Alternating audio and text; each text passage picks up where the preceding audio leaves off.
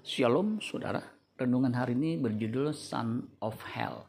Matius 23 ayat 15. Celakalah kamu, hai ahli-ahli Taurat dan orang-orang Farisi. Hai kamu orang-orang munafik, sebab kamu mengarungi lautan dan menjelajah daratan untuk mentobatkan satu orang saja menjadi penganut agamamu. Dan sesudah ia bertobat, kamu menjadikan dia orang neraka yang dua kali lebih jahat daripada kamu sendiri. Terjemahan bahasa Inggris mengatakan begini. Woe to you, scribes and Pharisees, hypocrites, for you cross sea and land to make one proselyte, and when he is made, you make him twice as much as a son of hell as yourselves ahli Taurat dan orang-orang Farisi menjangkau orang non-Yahudi menjadi penganut agama Yahudi yang disebut proselit.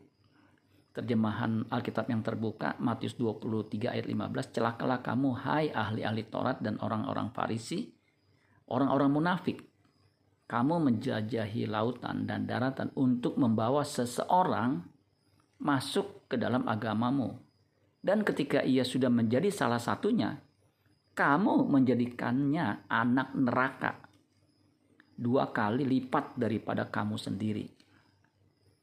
Ini peringatan keras bukan saja untuk para pemimpin Kristen saja, tapi juga untuk semua orang Kristen.